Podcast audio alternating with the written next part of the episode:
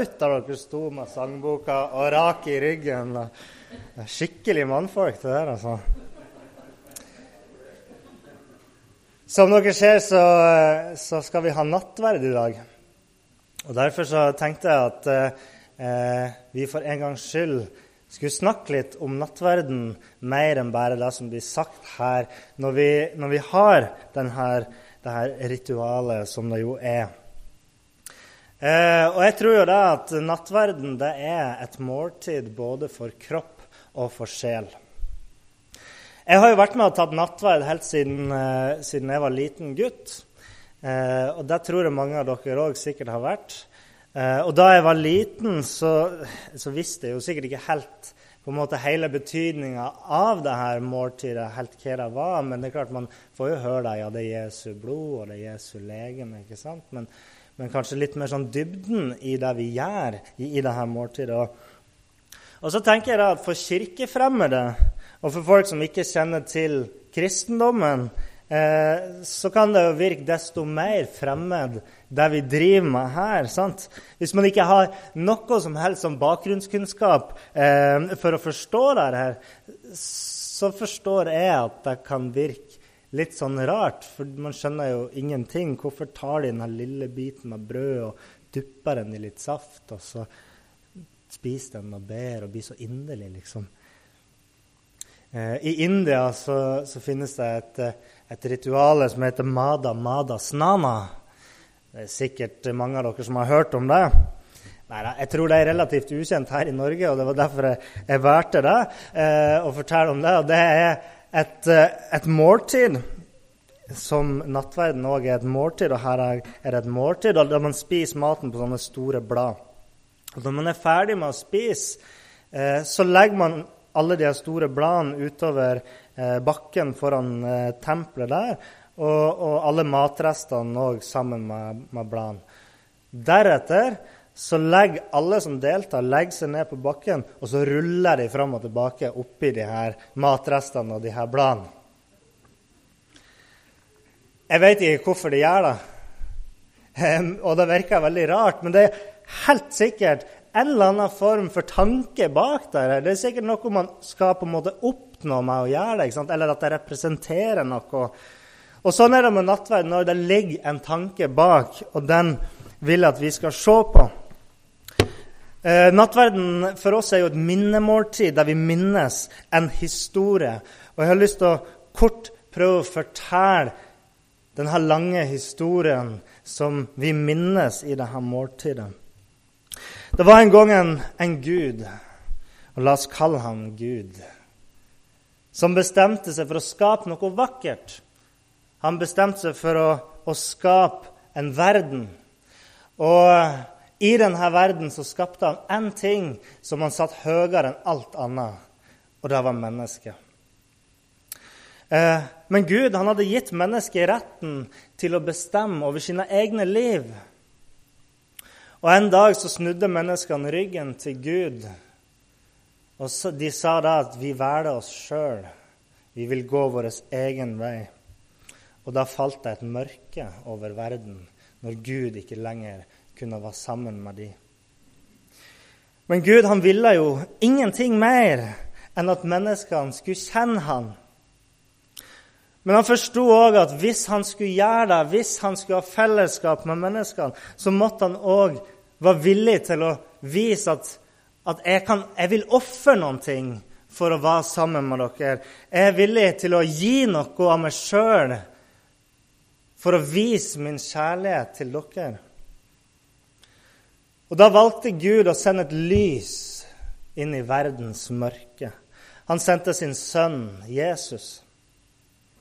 Og Jesus kom til verden som et vanlig menneske av kjøtt og blod.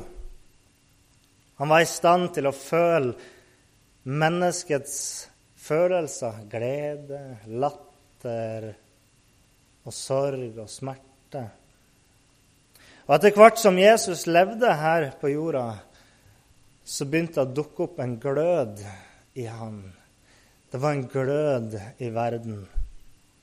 Og glimt av lys viste seg idet han etter hvert sa ting som et menneske ikke hadde autoritet til å si, og han gjorde ting som mennesker ikke kunne gjøre.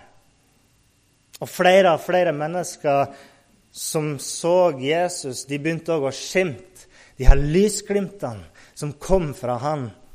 De begynte å tro at i dette mennesket så ser det ut som at det finnes et eller annet slags håp.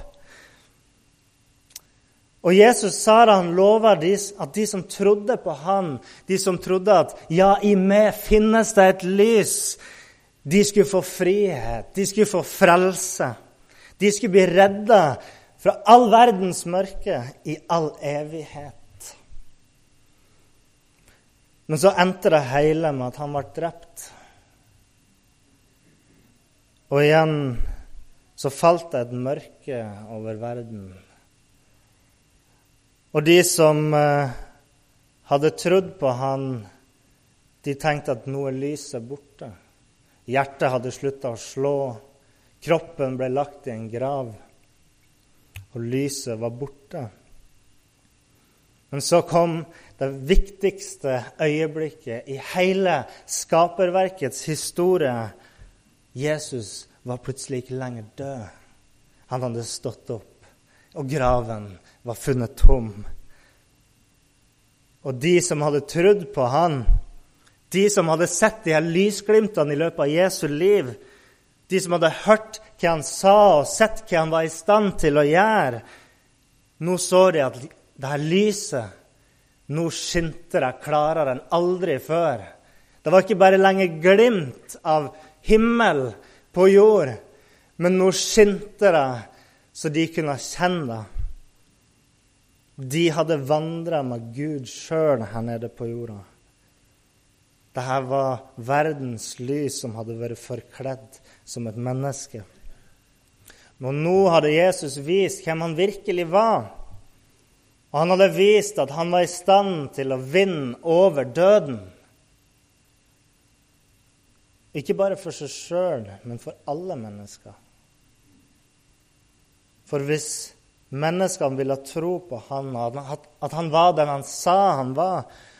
Og at hvis vi ville ha fellesskap med han, så skulle han gjøre det samme for oss. At vår kropp dør, men vår sjel skulle leve videre i evigheten. Nå ble det litt sånn frelseshistorie på fem minutter. Men det er viktig, og det er herlig å minnes hva Gud har gjort for denne verden og for meg og det. Så hvordan henger dette sammen med nattverden, da? Jo, nattverd betyr jo egentlig kveldsmåltid. For de av dere som fortsatt snakker norrønt, så forstår dere jo nattverdr, som var det gamle ordet som de sa. Kveldsmåltid betyr det. Og Grunnen til at det kalles kveldsmåltid, er så enkelt som at uh, på kvelden for, før Jesus visste at han skulle bli korsfesta, så satt han og disiplene sine og hadde et måltid sammen. Og Da kan vi lese fra Matteus kapittel 26, vers 26-28, hva som skjedde da. Der står det mens de holdt måltid, tok Jesus et brød og brøte, nei, takket og brøt det og ga disiplene og sa:" Ta imot og spis. Dette er min kropp. Og så tok han et beger og takka for det og, sa, og ga dem og sa:" Drikk alle av dette begeret, for dette er mitt blod, paktens blod, som har blitt utøst for mange, sånn at syndene kan bli tilgitt. Uh, og for oss som lever i dag, så, så forstår jeg at man kan reagere på det her og spise noen sin kropp og drikke blod. Eh, det kan slå som, eh, som ganske eh, motbydelig, rett og slett. Kanskje ikke for oss kristne som er så vant med dette bildet, men for noen som aldri har hørt det før, så kan det slå som litt sånn rart. Eh, men vi reagerer jo gjerne ikke sånn fordi vi tenker at det er noe skittent og motbydelig med kroppen vår. At, eh, at kroppen, menneskekroppen representerer noe negativt. At den er noe som vi må ta avstand fra. Jeg tror ikke det er noe som de fleste av oss tenker. Men de første menneskene som hørte dette budskapet, de hadde et annet verdensbilde enn oss. Og blant de her gamle grekerne, som man så ofte nevner, så fantes det de som så på verden og det fysiske som et fengsel. Kroppen var et fengsel for sjelen. Og Derfor så ville de fornekte denne kroppen, dette kjøttet og dette blodet. De ville ta avstand fra den. Og Derfor så skilte de sterkt mellom kjødet og sjelen. Kroppen den var et urent fengsel for den rene sjelen. Og Derfor så var alt i verden, alt det fysiske, var ondt og mørkt, mens lyset fantes kun i vår egen sjel. Og så kan vi tenke at ja, de her grekerne, de her grekerne, ja, de tenkte på mye rart. Men vi liker jo kanskje å tro at vi har kommet mye lenger enn de og gått bort fra det her antikke verdensbildet. sant? Og dere vet ikke sant, Når kristne i dag, når vi står for, for det Bibelen lærer oss, så, så blir jo våre standpunkt ofte vifta litt bort med at eh, ja, Tror dere på de her eventyrene som var skrevet for så lenge siden? Og så kan de si at eh, Ja, men kom igjen. Vi lever i 2017. Jeg lurer forresten på om man alltid har sagt sånn. Om man sa det for 1000 år siden. Kom igjen, tror du på de der 1000 år gamle fortellingene? Vi lever i år 923 her. Kom igjen! Nei da. Men, men bør ting egentlig forkastes bare fordi det er gammelt? Miste en sannhet Altså bli en sannhet usann over tid. I 1776, når amerikanerne, de her grunnlovsfedrene, relanserte demokratiet i USA, så var det jo nettopp det de gjorde. De, de relanserte en gammel idé fra antikken. Det var grekerne som var de første som tenkte ut tanken om et demokrati. Og så ble den relansert eh, i 1776. Så det er ikke slik at man legger fra seg ideer bare fordi de er gamle. Men uansett. Dette skillet mellom kropp og sjel som grekerne var veldig opptatt av, det kom til å spre seg gjennom hele Europa. Og mens jødene, f.eks., de tenkte ikke sånn som grekerne hadde tenkt. De tenkte mye mer sånn helhetlig om mennesket. Mennesket det består av kropp og sjel, ja. Men det er en sammenheng mellom dem. Ikke bare en sånn sammenheng at liksom sjelen er fanga inn i kroppen. Men jødene de tenkte sånn Gud har skapt hele verden og alt i den. Han har skapt mennesket med kropp og med sjel. Og Gud var opptatt av å forsørge begge delene òg. Sant? Men blant oss grekere, da, som fortsatt er påvirka av det her skillet mellom kropp og sjel, eller det fysiske og det åndelige Dere vet jo, Vi, vi snakker jo ofte om å, om å be med inderlighet. Ja, hva mener vi med det? Jo, da ber vi liksom med det vi har i vårt indre. Ikke sant? Fordi det er der vi finner det åndelige. ikke sant? Det som er virkelig fint og rent. Det er inni her. Sant? Og det er bra, for da ber vi med sjelen, og så kobler vi oss av det her kroppslige og det her verdslige. Sant? Og, og, så tenker jeg noen ganger, jeg vet ikke om det stemmer, men noen ganger så har jeg tenkt at kanskje vi pinsevenner er enda litt mer opptatt av det her skillet enn enn det de har vært i, sånn som hos katolikkene og lutheranerne og sånt. Hvis vi ser på den kirka, hvis vi ser på det her kirkebygget her, så ser vi hvor, hvor enkelt utsmykka denne kirka er. Hvor lite maleri vi har her inne, og, og gullfarger og sånt. ikke sant? Dere vet at tanken bak de her store og vakre kirkerommene som man finner rundt omkring, det var da at kirkerommet, når man gikk inn der, så skulle det gi oss en følelse av Guds storhet. Det var et rom som var så stort og vakkert som man kun fant på de største herregårder og i, i kongens slott.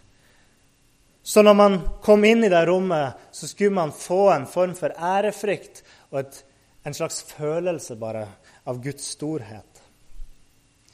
Og så sier vi pff, for noe tøv!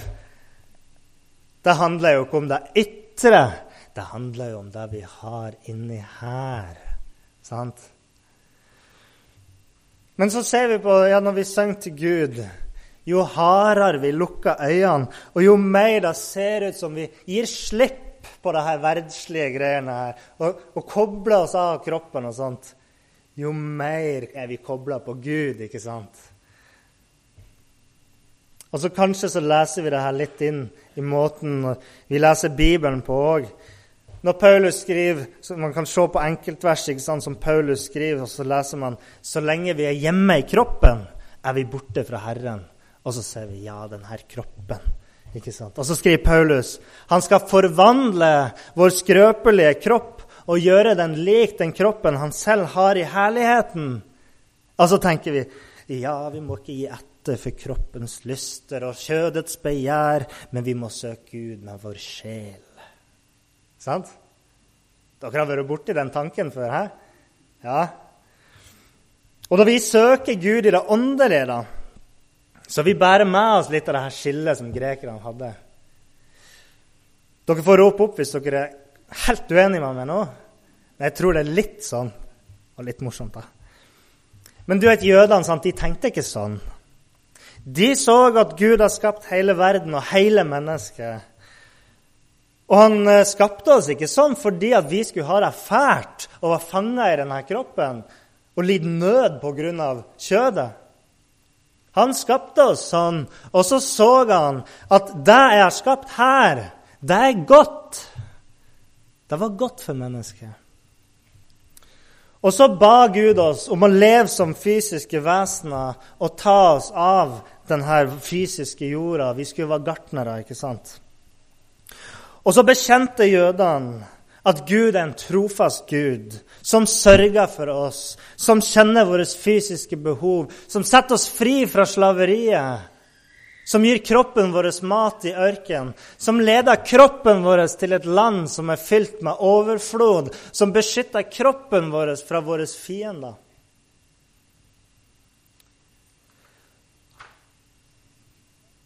Men det er klart at vi har òg ting som vi bruker kroppen vår til, og vi har fysiske ting der vi gjør kan man kalle religiøse handlinger, eller man gjør handlinger som er forbundet med troa. Sånn som når vi strekker hendene i været når vi lovsynger, eller, eller vi folder hendene når vi ber. Og Det er ikke fordi at vi følger noen lover i Bibelen eller sånn som sier at vi må gjøre det. Og det er heller ikke sånn at eh, det å på en måte folde hendene eller løfte hendene opp eh, har noe sånn overnaturlig kraft ved seg. Det er makt i de foldede hender, sier vi. Men det er jo ikke det at vi folder hendene, som gjør at Gud svarer bønnene våre. Sant? Folde hender har ikke noe kraft i seg sjøl, men vi gjør det jo allikevel. Vi skal egentlig ha noen bilder på skjermen her. For jeg hadde et bilde av meg sammen med en kar som jeg møtte i Roma for noen år siden. Um, det var ikke paven, sjøl om jeg så han òg. Men jeg møtte en, en eh, liten mann med store briller på gata der, eh, kledd i en svart skjortel. Han heter José Fortea Cocorull. Eh, og jeg så han tilfeldigvis på gata, og jeg gjenkjente han. Fordi dette er en spesiell mann.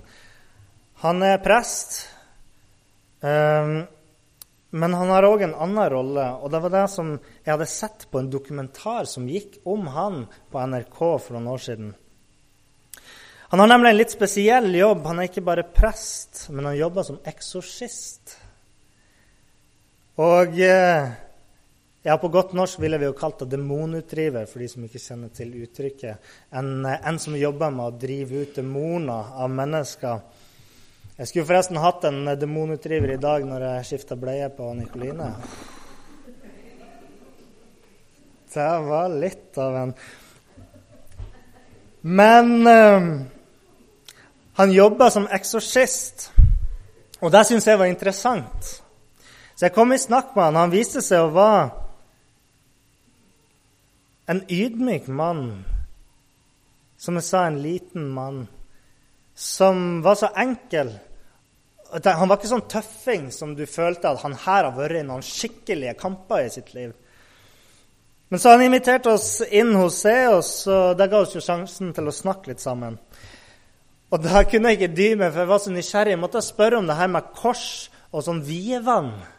For jeg har sett at, at noen ganger når man ber for, for eh, demonutdrivelse, så bruker de kors og vievann. Så jeg måtte spørre han, hvorfor gjør, du, hvorfor gjør dere det? Tror du at jeg har noen magisk kraft, liksom, det her korset og det her vivvannet? Og Jeg har ikke tenkt kjempemasse på det her, men sånn som når jeg var litt yngre, sånn, så tenkte jeg alltid sånn at altså, hvis jeg var en demon, og noen hadde kommet med to sånne kvister som så ut som et kors, og så spruta litt vann på meg, så hadde vel ikke jeg tenkt at å nei, huff og huff, her må jeg bare fære ifra. Jeg liker jo ikke pinner av vann, så det Så jeg måtte spørre det, tror du at dette har noe overnaturlig kraft. Og så sa han nei. Jeg tror ikke det. Jeg tror ikke at dette er noe magisk. Jeg tror ikke at dette er noe overnaturlig. Det er bare overtro. Men når han brukte de, så sier han det er for min egen del. Og da ble jeg nysgjerrig. ikke sant? Hva mener du med det? Hvordan da? Så sa han jo, spesielt i de tilfellene der jeg ber for noen i 5, 10, 15, kanskje til og med 20 timer, og du kjemper mot noen sterke åndskrefter, så er det ei påkjenning, ikke bare for for sjelen, men han, man kjenner det på kroppen, og man blir sliten. Og så sier han at noen ganger for meg så hjelper det å bruke noe fysisk, noe man kan se på, for å holde fokus. Sant? Han sa da, noe å gripe i som viser troa mi. Det hjelper meg å holde fokus i time etter time. Og, og, jeg har tenkt på det han sa. Eh, og jeg tenkte at kanskje så er ikke det så forskjellig fra, fra det jeg sjøl gjør når jeg, når jeg folder hendene mine for å be. Det er jo en ting som jeg ikke tror har noe sånn religiøs, sånn overnaturlig kraft. Men, eh, men det er jo for å hjelpe meg å ikke fikle med andre ting, og for å hjelpe meg å holde fokus når jeg ber. ikke sant? Eh, og så vet jeg jo at Det er jo ikke helt fremmed sjøl for oss pinsevenner å, å, bruke olje for å salve de syke når vi ber for dem. Så det er mange ting som vi kan gjøre, med kroppen vår og med fysiske ting som nettopp er kobla opp imot det åndelige livet som vi deler med Gud. Og vi må jo bare erkjenne at enn så lenge så har vi jo de her kroppene her. Mitt neste punkt handler om at Jesus kom i en menneskekropp. Mitt forrige punkt var for øvrig kropp og sjel. Men siden vi ikke har bilde på veggen, så får dere ikke de her flotte punktene mine i dag. Eh, I vår menighet og i pinsebevegelsen generelt så tror vi at Jesus kom til verden som et fysisk menneske. Vi tror at Jesus var en virkelig person som levde her som et menneske sammen med oss for 2000 år siden. Gud så behovet for å komme til oss i vår situasjon. Han så behovet for å komme på en synlig, på en håndgripelig og på en jordnær måte. Han forsto at vi mennesker vi er så mistroiske og, og, på en måte tillitsløse at han var nødt til å gjøre seg synlig på oss på en måte som vi kunne forstå og forholde oss til. Noe som var kjent for oss. Dette var Guds måte å vise oss hvor høyt han elsker oss. At han valgte å strekke seg så langt for å ha fellesskap med oss. At han ble menneske sammen med oss. Han viste oss at han var villig til å holde ut den verst tenkelige smerte et menneske kan forestille seg ved å bli korsfesta for oss. For noen av de her grekerne som vi snakka om i stad, for noen av de så var det helt utenkelig at Gud, verdens skaper, det perfekte vesen, som filosofene sa, kunne komme ned i en skitten, forkastelig ikke bare uperfekt, men forkastelig klump med kjøtt og blod, som ikke tjener til noe annet enn å holde mennesket borte fra det guddommelige og holde sjelen fanga inni denne kroppen. Så noen har begynt å, noen sånne vranglærere har begynt å si at nei, Jesus var ikke et menneske, han bare så ut som et menneske. Og noen sa til og med at nei, Jesus han gikk ikke engang på jorda, han fløy. Men det var ikke det som skjedde. Jesus var et fysisk menneske. Men det var heller ikke den eneste måten Gud ville vise oss hvor mye han brydde seg om at vi har det bra, sjøl i våre egne skrøpelige kropper, som Paulus sier.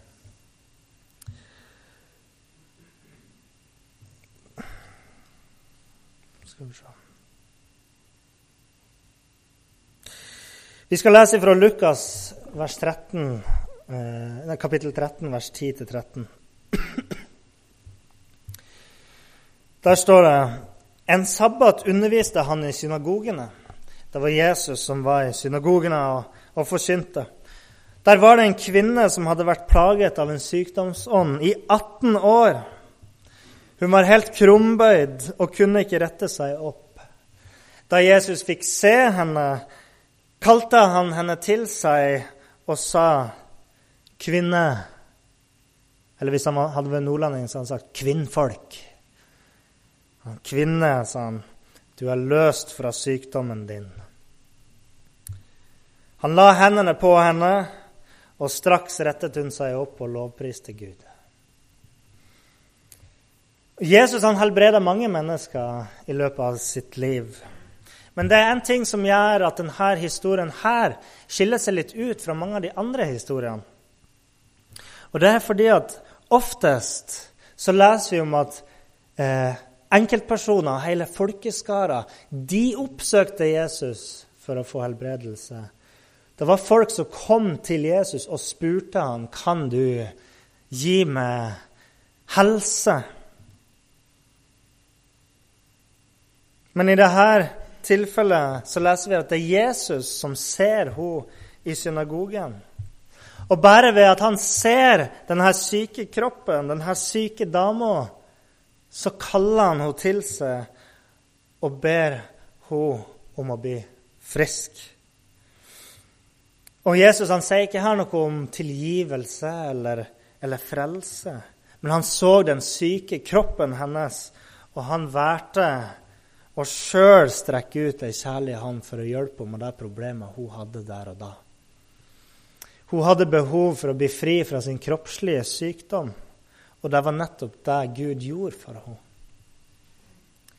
Dere vet at Jesus han forstår oss mennesker. Han forstår at vi preges av våre omgivelser. Han har skapt oss med kropp og sjel, og det er en helhet som henger sammen. Han har gitt oss et sanseapparat så vi kan føle, og vi kan se, vi kan høre og smake og lukte. På den måten så kan vi ta inn over oss alle de skjønnhetene som finnes i hans skaperverk. Og Gud han vet at våre fysiske problem de kan òg ha betydning for vår sjel. Og Det er en av grunnene til at fysisk helbredelse kan overbevise mennesker om å vende om, ikke bare i sitt, sitt fysiske kropp, men òg i sin sjel, og tro på Jesus. Når Gud berører oss fysisk, så kan det få åndelige konsekvenser. Akkurat som vi kan kjenne det på kroppen iblant. Når Gud berører oss åndelig, når han tar på våre sjel, så kan vi reagere med med følelser som vi kan kjenne i kroppen. Og vi kan, vi kan vise dem med latter og smil og glede og, og tårer. Noen ganger kan man til og med bli slått i bakken av Guds berøring. Hans uh, mektige hånd blir så sterk for oss at det slår føttene vekk under oss. Det er åndelig, En åndelig berøring kan også ha fysisk påvirkning på oss. Så vi har sett da at sant, Gud han strakk seg ned til sitt skaperverk. Han ble en del av vår fysiske verden, og han møter oss mennesker her nede. Hele mennesket, både kropp og sjel. Og som mennesker så lar vi oss også påvirke av denne fysiske verden sjøl når vi ber og når vi lovsynger. ikke sant? Så, så gjør vi ting som uttrykker vår tro. Så hvordan henger dette sammen med nattverden, da? Nattverden som er et måltid for både kropp og sjel. Jo, det har seg sånn at uh, når Jesus delte dette måltidet sammen med disiplene sine, og ga dem brødet og sa 'det her er min kropp', og han ga dem vin og sa 'det her er mitt blod', så var det ikke bare et måltid som han tenkte at det her deler jeg én gang med de disiplene som er, er her i dag. Men Jesus han ba oss om å gjøre det her til minne om han. Det var ikke et måltid som var ment å bare skje den ene gangen, men et måltid som alle troende til alle tider skulle gjøres for å minnes Jesus, for å minnes det Gud har gjort for verden. Og i over 2000 år så har kristne over hele verden delt dette måltidet sammen, der vi minnes nettopp det, at Jesus kom til verden som et menneske og ga sitt liv for oss. Og som jeg har vært inne på, sant, så kan det noen ganger være lett for oss å bagatellisere sånne typer kroppslige og fysiske uttrykk for vår tro. Det skjer ikke noe magisk når vi løfter opp hendene i lovsang, eller når vi folder hendene når vi ber, eller når vi lukker øynene. ikke sant? Men samtidig så er det en ting med dette måltidet her som skiller deg fra de andre handlingene som man kan gjøre om man korser seg, eller, eller om man har et gripekors i kamp med demoner. Det er en ting med det her som skiller seg ut. Og det er det at Ja, for det første så er det det at Jesus har bedt oss om å gjøre det her til minne om hans død. For det andre så er det at vi gjør det for å uttrykke det fellesskapet som vi har med hverandre. Det handler ikke bare om meg sjøl og mitt eget kroppslige uttrykk for den troa jeg har, men det er et uttrykk for fellesskap sammen med andre. Alle som tror, alle som tar imot Guds nåde, alle som tar imot Guds tilgivelse, alle som tar imot Guds frelse, deler dette måltidet sammen. Og som i ekteskapspakt, der vi gir hverandre ringen som et tegn på den pakta vi har inngått. Som en påminnelse om de løftene man har gitt. Som et vitnesbyrd om hvem han er. Så deler vi òg dette måltidet med hverandre som et tegn på vår tro, som et tegn på vårt felles løfte og vår hengivenhet til Jesus. Og for det tredje så er det et uttrykk for fellesskap med Jesus. Jesus han omtalte seg sjøl som livets brød. Vi har hørt en preken om det her i, i vår. Og I Johannes 6, vers 53-56, så sier Jesus hvis dere ikke spiser menneskesønnens kropp og drikker hans blod, har dere ikke livet i dere. Men den som spiser min kropp og drikker mitt blod, har evig liv og jeg skal reise ham opp på den siste dag. For min kropp er sann mat, og mitt blod er sann drikk. Den som spiser min kropp og drikker mitt blod, blir i meg og jeg i ham, sier Jesus. Så vi spiser dette måltidet for å si at 'jeg vil ha fellesskap med deg, Jesus'. Og Jesus sier, 'Ja, da har jeg fellesskap med det'.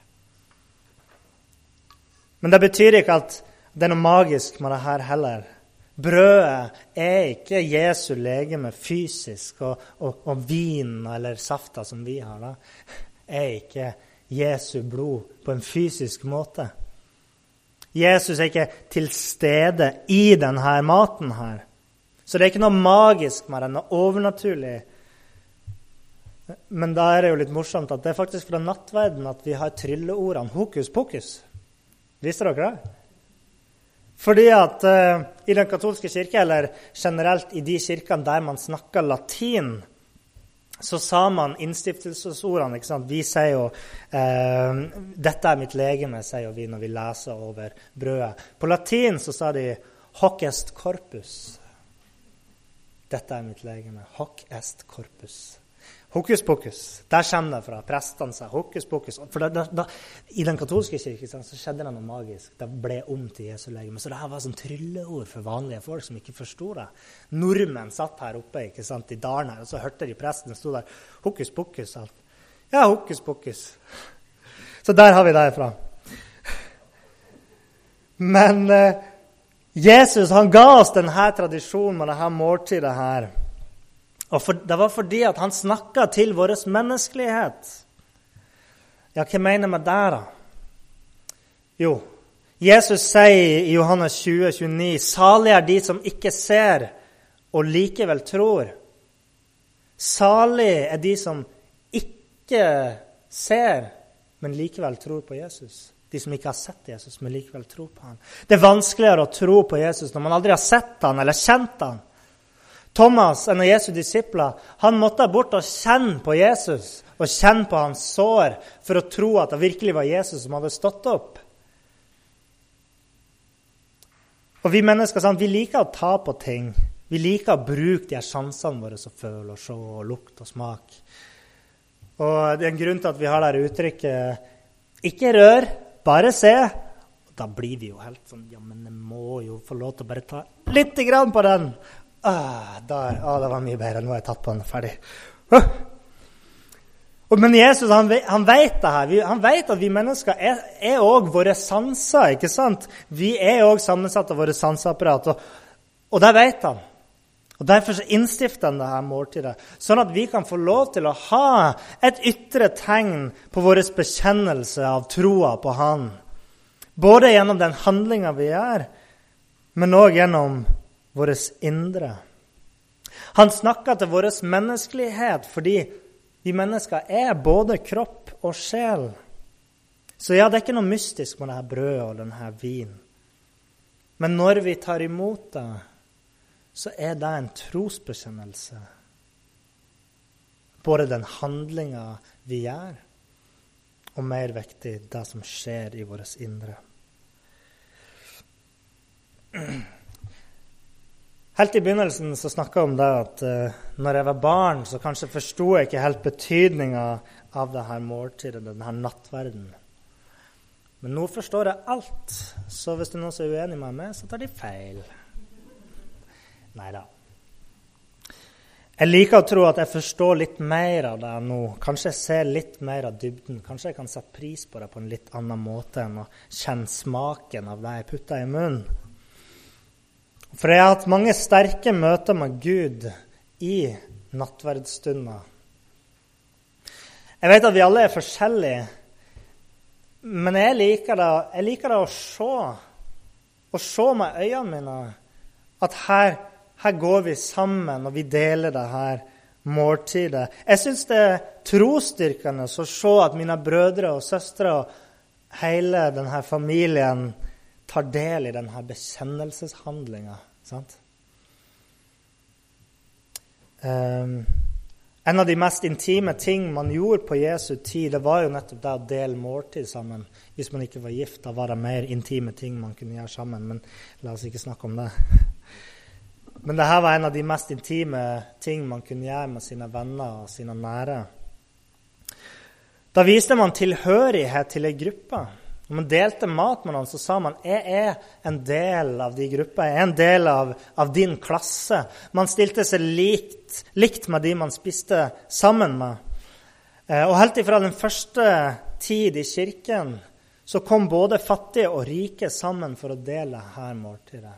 Både frie, frie og slaver kom sammen for å dele her måltidet og si at i Jesus er vi like.